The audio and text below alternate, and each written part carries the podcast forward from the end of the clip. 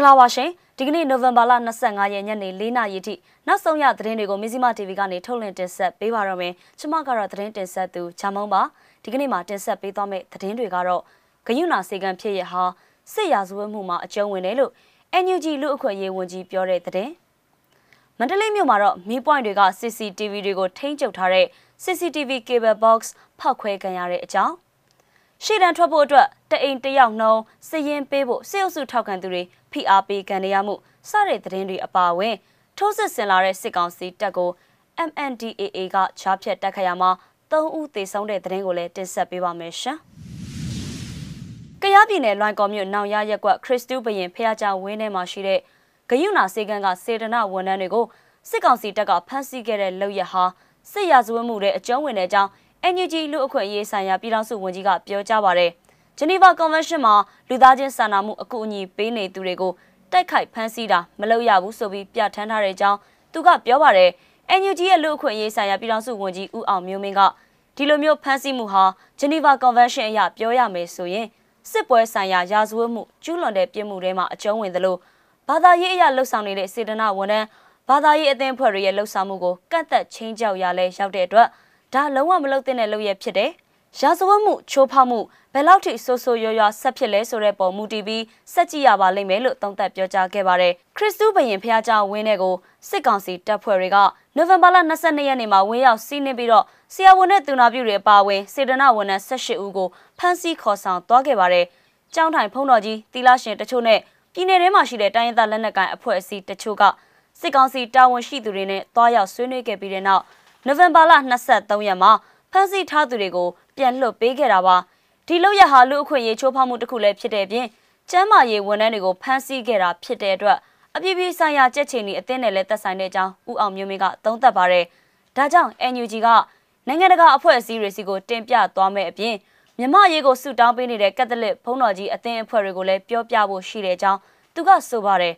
စစ်ကောင်စီကဝင်ရောက်စီးနှင်းပြီးတဲ့နောက်စေကန်းကိုပိတ်ထားခဲ့ရပြီး စေကန်းထဲမှာရှိတဲ့လူနာတွေကိုလည်းလွိုင်းကော်စေးရုံစီပို့ဆောင်ထားရတဲ့အကြောင်းဒေသခံတွေစီကနေသိရပါဗျ။1998ခုနှစ်ကတည်းကစေခန်းဖွင့်ခွင့်လိုင်စင်ရထားတဲ့အဲ့ဒီဂယုနာစေခန်းကိုတရားမဝင်စေကန်းလို့ပြောပြီးစေတနာဝန်ထမ်းတွေထဲမှာလည်း905ကကြီးနဲ့တရားစွဲဆိုခံရသူတွေပါဝင်တဲ့အကြောင်းစစ်တပ်ပိုင်မြဝတီသတင်းမှာဆွဆွဲဖော်ပြထားပါတယ်။တိုက်ပွဲပြင်းထန်နေတဲ့ကယားပြည်နယ်နဲ့ချင်းပြည်နယ်တို့မှာသာမကပဲပြည်နယ်နဲ့တိုင်းဒေသကြီးအများစုမှာ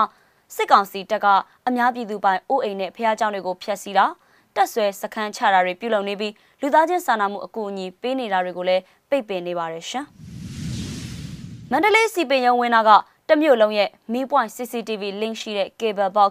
ဒီနေ့မနက်6နာရီဝန်းကျင်မှာဘုံနဲ့ဖောက်ခွဲတိုက်ခိုက်ခံရတဲ့အကြောင်းမြို့ကန်တအူးစီကနေသိရပါတယ်။အမိုက်ပုံထဲပေါက်တာမဟုတ်ဘူးတမြို့လုံးကိုစောင့်ကြည့်တဲ့ CCTV ဘုံကိုဘုံခွဲသွားတာပါတခြားထိခိုက်တာတော့မရှိဘူး။ မနေ့စောပိုင်းဆိုတော့လူအသွားလာမရှိဘူးလို့မန္တလေးစီပင်ရုံဝင်းနာမှာနေတဲ့သူကပြောပါတယ်28လမ်းနဲ့82လမ်းတောင်မှာဖြစ်ပေါ်ခဲ့တဲ့အဲ့ဒီပောက်ကွဲမှုကအမိုက်ပုံမှာပောက်ကွဲတာဖြစ်ခဲ့တယ်ဆိုပြီးကနအူသတင်းတွေကထွက်ပေါ်လာပါသေးတယ်ထပ်ပြီးတော့နောက်ဆက်တွဲအတီးပြုချက်အရအဲ့ဒီပောက်ကွဲမှုကတမျိုးလုံးရဲ့မီးပွိုင်း CCTV link တွေကိုထိန်းချုပ်ထားတဲ့ cable box ဘုံဖောက်ခွဲခံရတာဖြစ်ကြောင်းသိရတာပါတမျိုးလုံးကမီးပွိုင်းတွေမှာတက်ဆင်ထားတဲ့ CCTV တွေကိုစီပင်ရုံးတဲကနေထိန်းချုပ်ထားတာအဲ့ဒီပုံကို ဘုံနဲ့ခွဲသွားတာပါလို့မန္တလေးစီပင်နဲ့နီးစပ်သူတဦးကပြောပါတယ်ဖောက်ခွဲမှုနဲ့ပတ်သက်ပြီးဘယ်အဖွဲ့ကပြုလုပ်လဲဆိုတာကိုတော့မသိရသေးပါဘူးရှင်ရှေ့တန်းမှာတာဝန်ထမ်းဆောင်ဖို့အတွက်မွန်ပြည်နယ်ကစေအုပ်စုထောက်ခံတဲ့မိသားစုတွေတအိမ်တယောက်နှုံစရင်ပေးဖို့အတင်းအကျပ်ဖိအားပေးလာတယ်လို့စစ်တပ်နဲ့နှိစက်သူတွေကတန်လွင် Times ကိုပြောလာပါတယ်စစ်ကောင်စီကတိုင်းရင်းသားလက်နက်ကိုင်အဖွဲ့အစည်းတွေအပါအဝင်ဒေသခံ PDF တွေနဲ့တိုက်ပွဲပြင်းထန်နေတဲ့နေရာတွေစီပို့ဆောင်ဖို့အတွက်ပြူစောတီပြည်သူစစ်နဲ့ စစ်အုပ်စုထောက်ခံသူတွေအမည်စင်းကိုနှစ်ပတ်အတွင်းပြန်ပြီးတင်ပြဖို့နိုဝင်ဘာလဒုတိယပတ်မှာညွှန်ကြားထားတာပါဒါပေမဲ့လက်ရှိအချိန်ထိရှေ့တန်းထွက်ဖို့စည်ရင်ပေးတဲ့လူ10ဦးလောက်ပဲရှိသေးတာကြောင့်စစ်အုပ်စုထောက်ခံတဲ့မိသားစုတွေအနေနဲ့တအိမ်တယောက်နှုံအမည်စရင်ပေးကြဖို့စစ်ကောင်စီကအတင်းအကျပ်ဖိအားပေးလာတာလို့သိရပါတယ်အခုကရှေ့တန်းထွက်ဖို့စည်ရင်ပေးတဲ့လူ10ယောက်လောက်ပဲရှိတော့သိရသလောက်ကျွန်တော်တို့လိုစစ်မှုတန်းဟောင်းမိသားစုတွေကိုအထက်ကစည်ရင်ပေးဖို့တောင်းနေတာ အိမ်နောက်စုတစုမှဆိုရင်လူတယောက်မဖြစ်မနေစည်ရင်ပေးဖို့အတင်းအကျပ်လာတောင်းနေတယ်လို့စစ်မှုတန်းဟောင်းတအုပ်ကတန်လွင် Times ကိုပြောပြပါရယ်စစ်ကောင်စီကတအိတယောက်နှုံအမိစရင်ပေးဖို့ညွှန်ကြားထားတဲ့သူတွေထဲမှာတော့စစ်တပ်ရဲ့လာစာပင်စင်နဲ့တခြားထောက်ပံ့စရိတ်တွေခံစားနေတဲ့မိသားစုဝင်တွေကိုအဓိကညွှန်ကြားထားတာပဲဖြစ်ပါတယ်။ရှေ့တန်းမှာတာဝန်ထမ်းဆောင်ချိန်ကာလအတွင်းမှာလစာထောက်ပံ့ပေးသွားမှာဖြစ်ပြီးတော့ တိုက်ပွဲကနေပြန်လာတဲ့သူတွေကိုလည်းခြံကွက်တွေနေအိမ်တိုက်ခန်းတွေချိမြင့်ပေးသွားမယ်လို့စစ်ကောင်စီဘက်ကစီးရုံနေတာဖြစ်ပါတယ်။ဒါပေမဲ့လည်းစစ်ကောင်စီတပ်တွေကရှေ့တန်းမှာအကြဆုံးများနေတဲ့အတွက်စစ်အုပ်စုထောက်ခံတဲ့မိသားစုတွေရဲ့နမေစရင်ပေးသွင်းမှုကလည်းမရှိသလောက်နှဲပါနေတာဖြစ်ပါတယ်ရှင်။ရှမ်းပြည်မြောက်ပိုင်းမူဆယ်ခရိုင်မုံကိုဒေသမှာစစ်ကောင်စီတပ်နဲ့ကိုကန့်တပ်မတော် MNDAA တို့တိုက်ပွဲဆက်လက်ဖြစ်ပွားနေပြီးတော့ စစ်ကောင်စီတပ်ဘက်က3ဦးသေဆုံးခဲ့တယ်လို့ရွှေဖီမြေရဲ့သတင်းမှာရေးသားထားပါတယ်။နိုဝင်ဘာလ23ရက်မနက်7:00နာရီခွဲကျော်မှာနမ်လောဒေတာအနောက်ဘက်တောင်ကုန်းကိုထိုးစစ်ဆင်ချင်းကပ်လာတဲ့စစ်ကောင်စီတပ်ကိုကြားဖြတ်တိုက်ခိုက်ခဲ့ပြီးတော့ချင်းချိုင်ထန်တောင်ကုန်းမှာလည်းတိုက်ပွဲဖြစ်ပွားခဲ့ပါသေးတယ်။တိုက်ပွဲအတွင်းမှာစစ်ကောင်စီဘက်ကအနည်းဆုံး3ဦးသေဆုံးပြီး MNDAA ဘက်ကတော့တအူးဒဏ်ရာရရှိခဲ့တဲ့အကြောင်း ကိုကန့်သတင်းကဒီကနေ့မှာဖော်ပြလာပါတယ်။ MNDAA ရှိရာမယန်ဒေသနဲ့ရှီကြီးကြတောင်တန်းကိုစစ်ကောင်စီတပ်ကတရက်အတွင်းလက်နက်ကြီးကြီး120ကျော်ပစ်ခတ်ခဲ့တာကြောင့်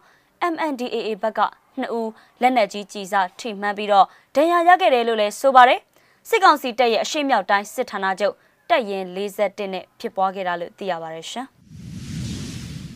မစ္စည်းမရဲ့သတင်းတွေကိုနေ့စဉ်စောင့်မျှော်ကြည့်ရှုပေးကြတဲ့အတွက်ကျေးဇူးတင်ပါတယ်။ပြည်သူအားလုံးလက်ရှိကြုံတွေ့နေရတဲ့အခက်အခဲတွေကနေအများဆုံးလွန်မြောက်ကြပါစေလို့ဆုတောင်းရင်းနဲ့နှုတ်ဆက်ပါရစေရှင်။